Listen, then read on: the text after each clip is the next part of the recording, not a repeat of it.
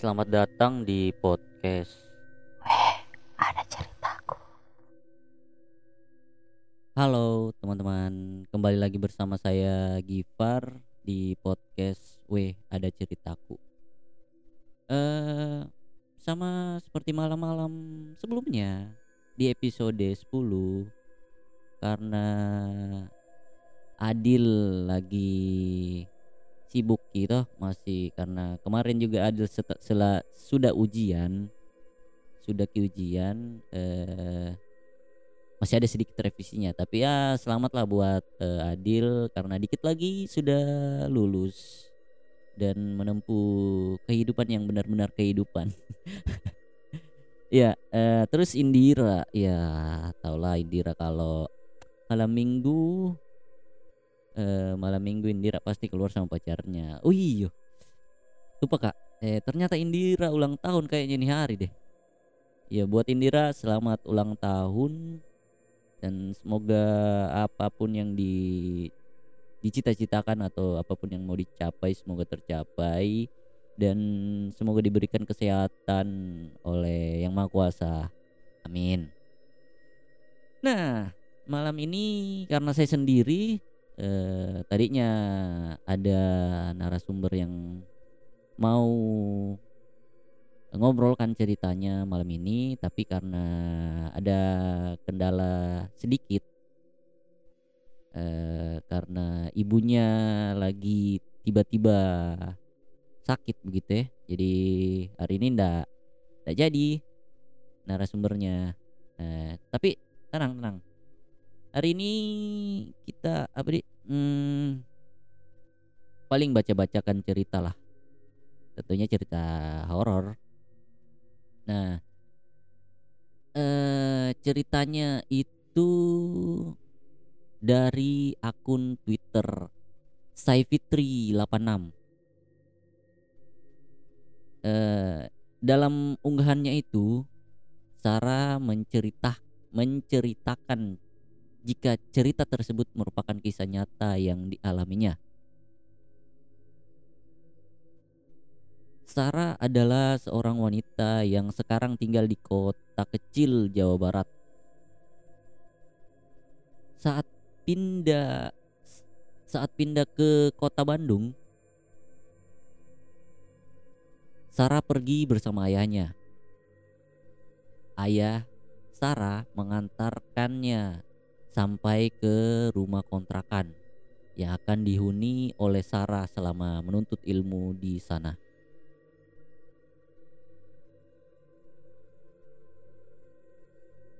Di kontrakan itu, Sarah juga akan tinggal bersama dua orang saudara sepupunya yang juga menuntut ilmu di tempat dan angkatan yang sama dengannya. Saudara tertuanya bernama Jani dan saudara yang lebih tua dari Sarah bernama Ava. Sarah merupakan yang paling kecil dari mereka bertiga. Maklumlah, baru lulus SMA tahun yang sama.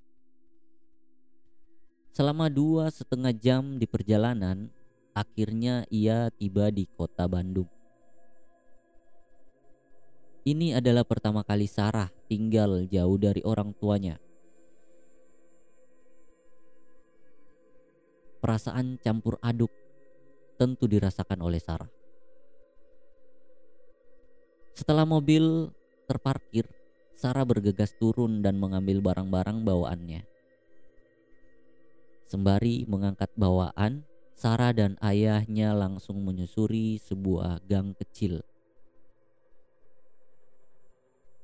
Berjalan sedikit jauh ke dalam dan sampailah mereka di depan kontrakan itu. Assalamualaikum. Kami mengucapkan salam sembari memasuki rumah yang pintunya memang terbuka. Waalaikumsalam, Mang. Saud A. A. Jani dan Teh Ava.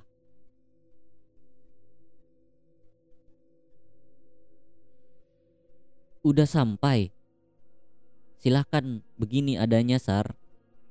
Ucap Ava kepadaku. Saat itu Sarah tersenyum dan mengangguk dan melihat melihat sekeliling. Rumah tersebut adalah rumah tua dengan dua lantai, sedikit tidak terawat. Saat itu, Sarah memaklumi hal tersebut, apalagi budget yang ia miliki tidak menyewa, tidak memilih yang ia miliki tidak memi, apa tidak cukup untuk menyewa rumah kontrakan yang sangat terbatas. Tangga menuju lantai dua adalah tangga kayu dengan pegangan kayu. Terlihat asal-asalan dibuatnya.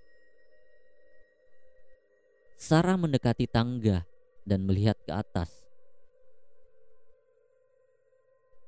Di ujung tangga tersebut adalah tembok. Sebelah kiri ada pintu kecil menuju keluar ke tempat jemuran dan talang air dan di sebelah kanan terdapat ruangan tanpa pintu yang hanya bisa dimasuki dengan cara sedikit membungkuk. Ruangan tersebut tepat berada di atas kamar tidur Sarah yang terletak di antara tangga dan kamar Teh Ava.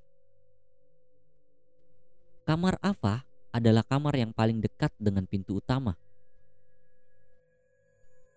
Jani lebih memilih kamar paling ujung di dalam, sekitar tiga langkah dari tangga tempat di seberang dapur, yang merupakan akses menuju satu-satunya kamar mandi di rumah itu. Terdapat ruangan kosong yang cukup lebar di depan kamar, di depan kamar Sarah dan kamar Ava, dan Ruangan ini nantinya akan dijadikan tempat berkumpul dengan alas karpet lusuh. Lebih lanjut, Sarah langsung mem membeban membenahi barang-barangnya di di dalam kamar baru. Ada beberapa noda lembab di dinding berwarna coklat dan sebagian terkelupas. Pantas saja terasa dingin. Memang memang lembab pikirnya. Tapi sudahlah, tempat ini lumayan nyaman. Sore pun tiba. Ayah Sarah pun berpamitan untuk pulang. Dengan berat, Sarah melepas kepergiannya karena tak tega membayangkan penghuni rumahnya hanya tinggal ayah dan mamahnya saja. Perlu diketahui, Dua kakak Sarah sudah memiliki kehidupan masing-masing di luar kota. Tentu sebagai anak bungsu, merasa berat untuk meninggalkan orang tuanya.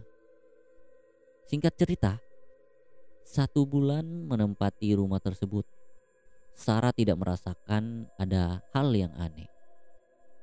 Atau mungkin Sarah mengabaikannya karena sibuk pada ospek dan persiapan masuk kuliah.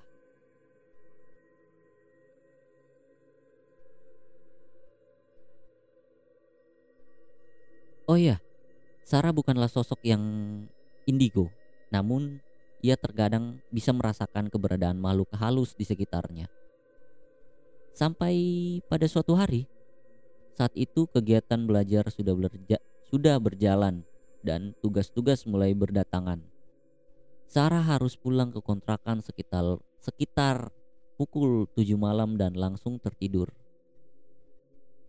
Setelah lama Sarah tertidur, ia terbangun dengan keadaan sekelilingnya yang gelap sekali. Memang kebiasaan Sarah saat hendak tidur.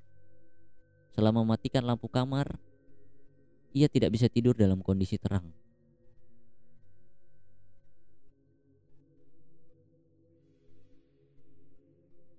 Uh, sorry sorry sorry, ada kesalahan teknis tadi. Uh, mana? Tapi kita lanjut ya. Setelah nyawanya terkumpul, istilahnya kalau baru bangun tidur gitu, kumpul dulu nyawanya. Nah, setelah Sarah bangun tidur dan mengumpulkan nyawanya, Sarah baru sadar jika kegelapan ini karena lampu ruangan di depan kamarnya mati. Biasanya kalau malam lampu tersebut dinyalakan dan cahayanya masuk lewat jendela atas pintu kamar dan lewat sela-sela pintu yang rapuh. Saat itu, Sarah meraba-raba mencari HP dalam gelap. Ternyata ada telepon dan SMS masuk selama ia tidur. Dari kedua saudaranya, dari kedua saudaranya yang mengabarkan mereka tidak bisa pulang karena mengerjakan tugas kelompok di kos temannya. Yang berarti Sarah harus sendirian di kan-, kontrakan. Saat Sarah melihat jam, ternyata saat itu sudah pukul 2, 2 malam. Ia sedikit merinding dan berusaha tidur kembali. Tapi kantuknya sudah hilang.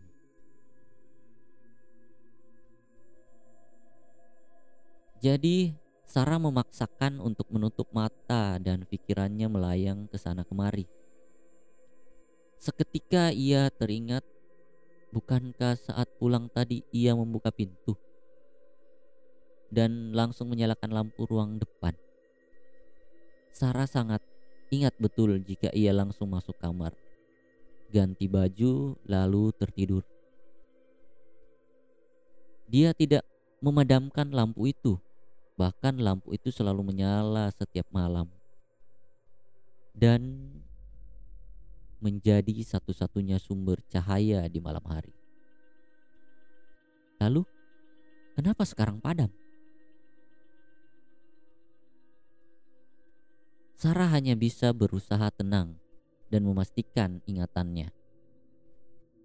Saat hendak bangun dari tidurnya dan menyalakan lampu kamar, tiba-tiba Sarah mendengar suara lirih sekali dari balik pintu kamarnya.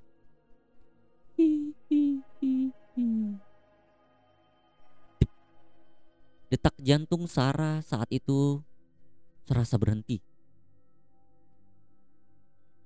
Seketika seketika ia mengurungkan diri untuk berdiri. Sarah hanya duduk di atas tempat tidur sambil memegang erat selimut. Sarah diam dalam posisi waspada, ragu antara yakin mendengar suara tawa dan berusaha meyakinkan dirinya sendiri bahwa ia hanya salah dengar. Ia terus berusaha fokus, tapi yang didengar hanya hening. Pelan-pelan Sarah kembali ke posisi tidur. Berhati-hati sekali seakan membangunkan sesuatu yang ia pun tidak tahu apa. Suara langkah kaki, kecil berlari melintas di depan kamarnya. Otak Sarah langsung merespon jika itu adalah tikus. Tikus? Ya, itu tikus. Atau mudah-mudahan tikus sih. Di pikirannya. Belum selesai ia meyakin, meyakinkan diri dirinya sendiri, suara lain membuatnya kaku sekaku-kakunya.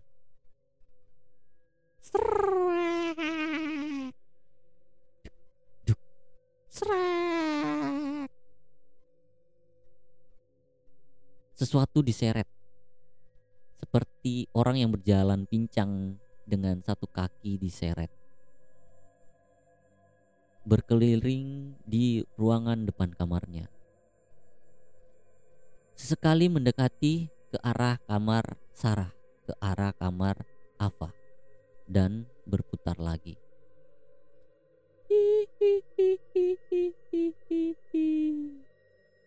Suara tawa liri itu muncul lagi. Kali ini Sarah yakin jika ia tidak salah dengar.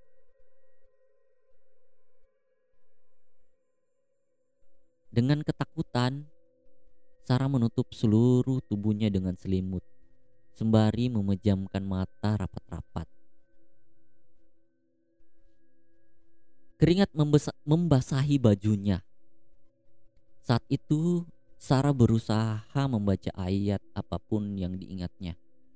Tapi tidak satu pun lancar diucapkannya. Terbesit dalam pikirannya untuk bangun dan menyalakan lampu kamar.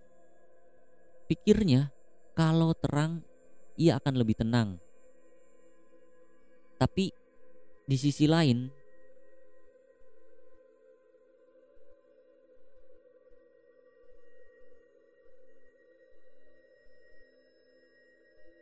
mana itu tadi? Astaga. Eh oke oke, kita lanjut lagi. Tapi di sisi lain, Sarah merasa takut jika dengan menyalakan lampu ia malah akan melihat sosok-sosok yang sedang mengganggunya. Entah berapa lama Sarah diam dalam posisi yang sama, tidak bergerak dan suara-suara itu tidak kunjung pergi. Ia tidak berani membuka selimut, takut justru mereka akan muncul di depan mukanya. Padahal kondisinya saat itu sudah basah kuyup oleh keringat. Mungkin karena tubuh Sarah lelah setelah tegang dalam waktu yang lama, akhirnya ia pun tertidur dengan sendirinya. Sarah kembali terbangun saat azan subuh berkumandang. Suara-suara aneh itu sudah hilang. Meski sedikit lega karena ada suara-suara orang yang digang. Berjalan menuju masjid untuk sholat subuh. Tapi rasa takut Sarah masih sangat besar. Ya, itu adalah momen pertama Sarah berkenalan dengan penghuni kontrakan. Walau tidak bertatap muka langsung, tapi perkenalan itu membekas sangat membekas hingga sekarang. Ia tidak akan menceritakan kejadian tersebut kepada kedua saudaranya. Bukan apa-apa, Sarah sendiri takut menceritakan ulang saat dirinya masih tinggal di rumah itu. Dan mereka mengontrak selama setahun, artinya Sarah harus bertahan selama 11 bulan ke depan. Setelah kejadian itu, ia hanya merasakan beberapa gangguan kecil yang menimpanya seperti barang berpindah tempat sendiri, selimut ditarik saat tidur, atau melihat sekelebat bayangan melintas. Singkat cerita, bulan Ramadan telah datang. Gangguan kecil itu mulai berkurang meski tidak 100% hilang. Yuk, itu tadi teman-teman. Eh cerita dari uh, akun yang bernama akun Twitter yang bernama mana tadi namanya Saifitri 86. Nah, ini mungkin ceritanya sudah lama sekali nih ya. Tetapi uh, ceritanya lumayan sedikit mistis sih. Ya lagi-lagi kejadiannya di kosan bagaimana dia? Ya begitulah kalau kejadian di kosan ya sama ya sama yang pernah kita ceritakan dulu di cerita mistis di episode kayaknya episode 7 deh. Iya episode 7 tentang kosan itu. Apa di kayak ya paling kayak cerita ceritanya ya pertama kosannya murah. Nah itu pasti pasti dialami juga ini si Saifitri 86 yang katanya ini cerita ya yang benar-benar yang dialaminya.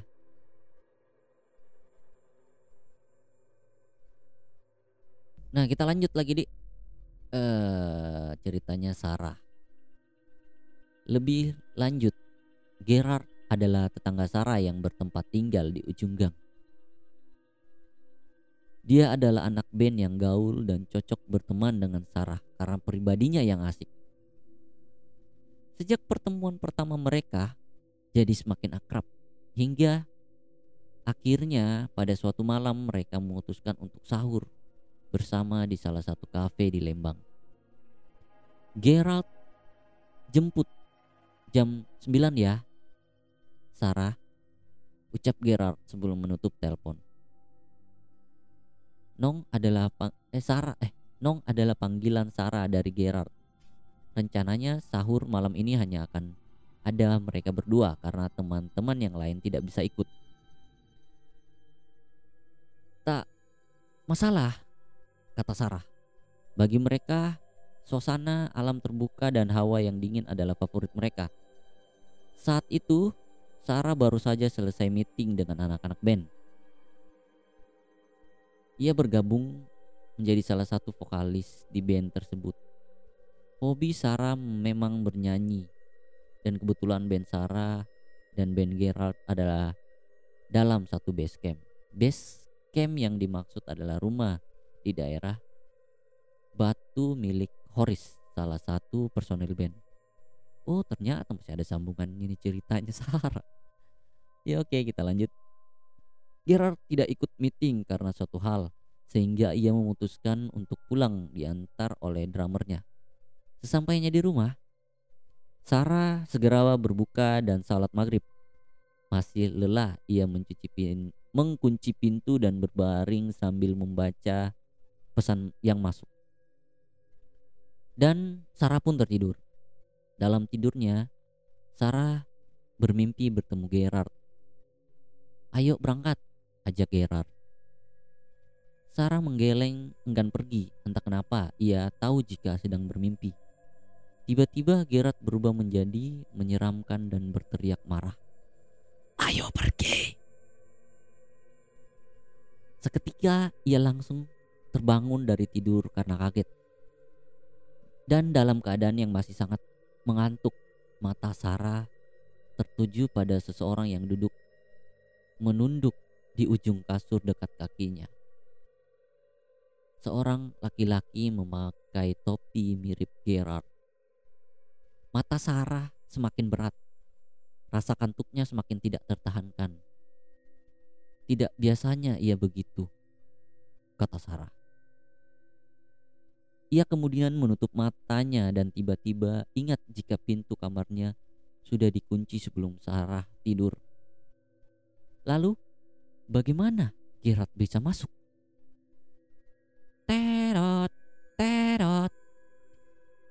Suara ringtone HP Sony Ericsson. The jadulnya pasti ceritanya ini sangat lama sekali karena HP-nya saja masih Sony Ericsson, Pak. Oke, kita lanjut. Tanda telepon masuk berbunyi. Halo? Nong. Gerard bentar lagi jemput. Udah siap kan? Cecar Gerard bersemangat. Rard, Lo tadi ke kamar gue? Tanya Sarah mengabaikan pertanyaan Gerard. Gak tuh. Gerard baru pulang. Ini langsung telepon kamu. Sarah diam dengan kantuk yang mendadak hilang. Sarah langsung berdiri menyambar pegangan pintu dan masih dalam keadaan terkunci.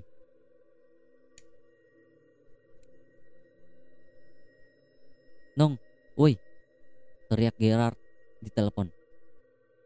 Ya 15 Iya 15 menit lagi jemput ya Gue salat isya dulu sahutnya Ia tutup telepon dan segera keluar dari kamar Jani sedang bersila di ruang depan kamar Sarah sambil bermain HP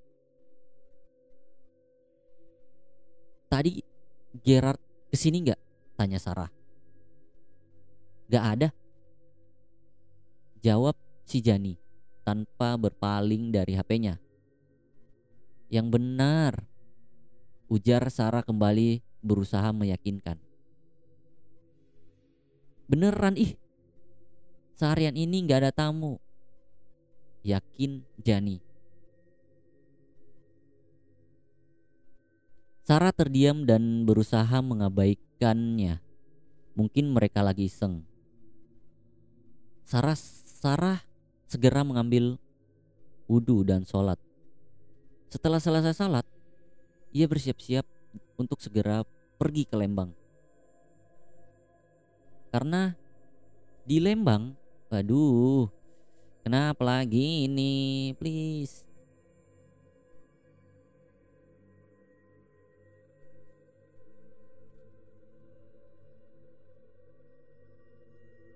Mana Mi? Astagfirullah.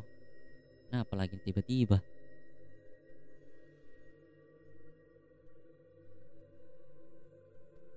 Sampai mana tadi? Oh, sampai Lembang di. Iya ya. Tanpa tahu sesuatu sedang mengganggu mereka, motor yang mereka tumpangi berjalan pelan karena masih di dalam komplek perumahan.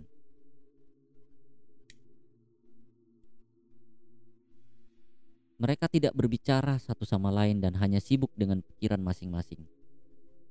Ketik, ketika mendekati sekolah SMA, Sarah melihat seorang kakek yang berjalan pelan. Sarah terus memperhatikan kakek tersebut tanpa sadar. Kakek tersebut berada jauh dari motor mereka. Posisinya di sebelah kanan jalan dan berjalan membelakangi Sarah dan Gerard. Semakin lama, semakin dekat hingga di pertigaan SMA. Kakek itu mengambil jalan ke kanan, persis yang akan mereka lakukan. Setelah kakek itu belok ke kanan, dalam hitungan dua detik mereka pun mengambil jalan yang sama dengan si kakek. Tapi saat motor berbelok tidak ada siapa-siapa di sana.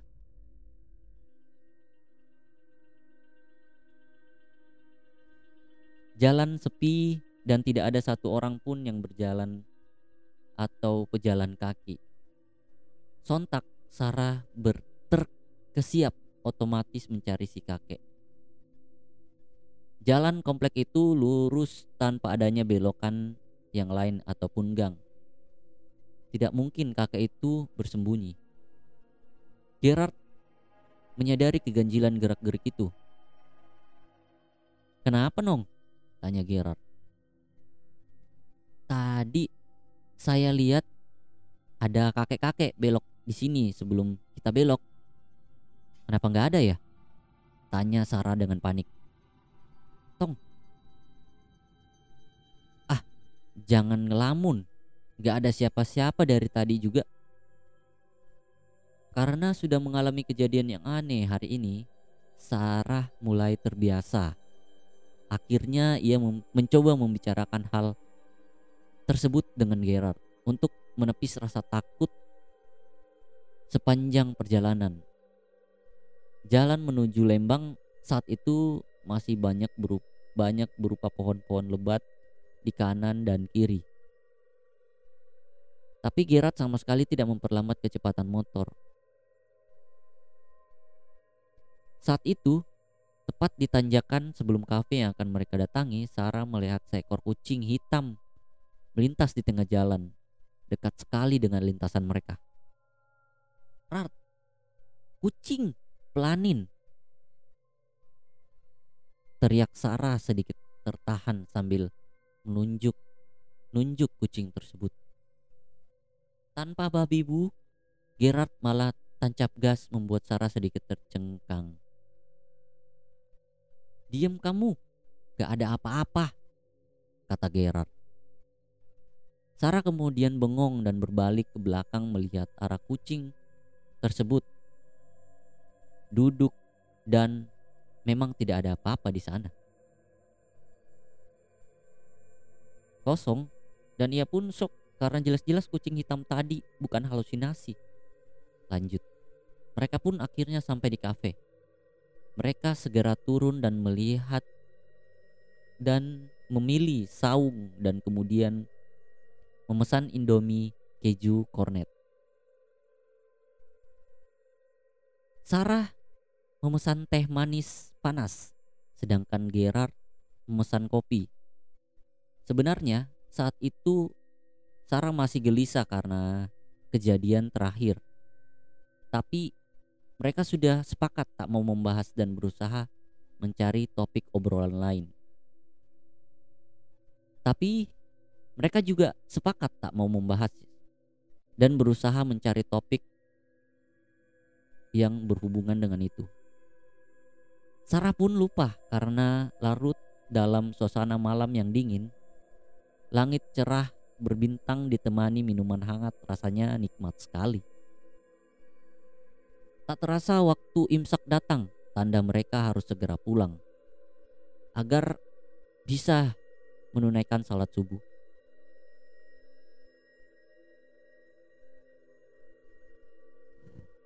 Kami meminta Bill saat waitress datang menyerahkan Bill. Dia bertanya, "A, teh, mau pulang sekarang ya?"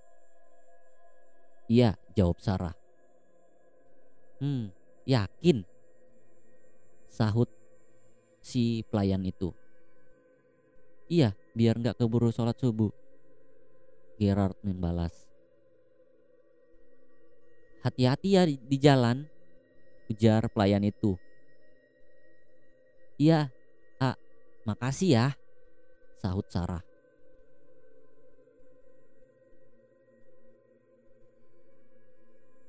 Mereka berjalan menuju kasir dan terjadi lagi percakapan yang serupa. Kasir tersebut meminta Sarah dan Gerard untuk berhati-hati. Tanpa curiga, mereka pun membayar dan pergi ke parkiran.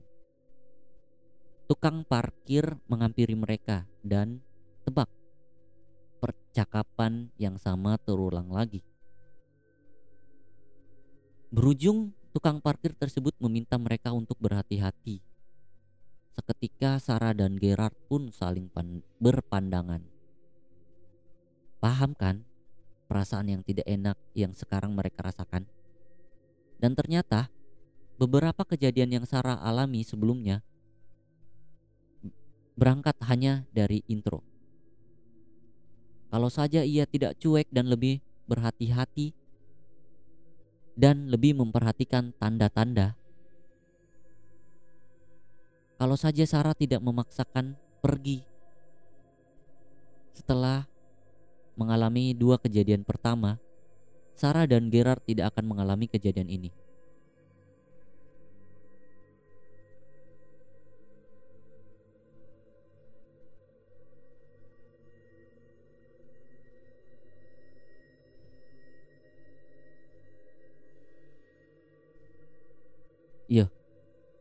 Mungkin itu saja di cerita dari siapa namanya?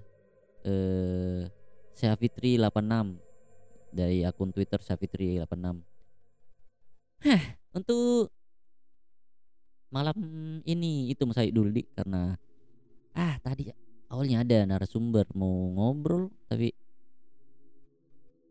tidak ada karena ini apa namanya ada ibu-ibunya katanya sakit jadi tidak jadi Ya, terpaksa untuk gantinya narasumber itu tadi saya baca sudah saya bacakan ki.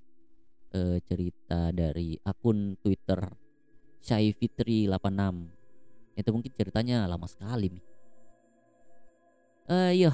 Eh, kalau teman-teman punya cerita horor atau cerita yang yang mau dibagikan cerita-cerita mistis yang mau dibagikan di podcast ini atau daripada mungkin ada kejadian tak yang bisa yang kita alami sendiri. Dan menurut tak eh, kayaknya seru kalau diceritakan. Langsung mi kontak eh, di pot di IG podcast W ada ceritaku. Nanti kalau bisa ki misalnya bisa ki langsung bercerita. Kalau mungkin ada waktu langsung ki bisa bercerita di studio. Atau kalau tidak mau ki ngobrol langsung bisa kita bisa saja bisa ji kita kirimkan cerita tak dalam bentuk tulisan atau dalam bentuk audio. Kalau memang agak kesulitan ki dalam dua itu nanti kita telepon ki pale. Nanti tim akan telepon ki dan kita ngobrol via HP nah iya itu yang pale. Saja yang bisa saya eh, bagikan toh di episode 11 ini karena sekarang lagi agak sulit ki ya karena apa di mungkin undang juga narasumber takut juga eh ada apa gitu takut juga sama corona gitu ya karena ya sekarang gila-gilanya corona. Jadi apa di hmm, ya tetap jaga kesehatan tak toh teman-teman yang sudah sedi setia mendengarkan podcast W ada ceritaku jaga kesehatan tak jaga keluarga tak dan sama-sama ki sehat. Dan buat teman-teman yang lagi bermalam minggu eh, dan setia telah mendengarkan cerita hari ini di episode 11 W ada ceritaku eh, berhati-hati di jalan. Eh, semoga sampai dengan tujuan dan selamat bermalam minggu teman-teman. Dan buat teman-teman yang lagi tidak ngapa-ngapain, tidak melakukan apa-apa dan cuman rebahan di kamarnya. Ah ya, mungkin lagi lagi mau tidur atau lagi mau ada kerjaan dan sementara dengarkan podcast ini semoga bisa menghibur teman-teman dan semoga bisa mengantarkan kalian tertidur nyenyak. Tapi baca doa Ki biar tidak diganggu sama makhluk-makhluk yang tak kelihatan. Itu saja. Tetap dengarkan kami di podcast Weh, ada ceritaku.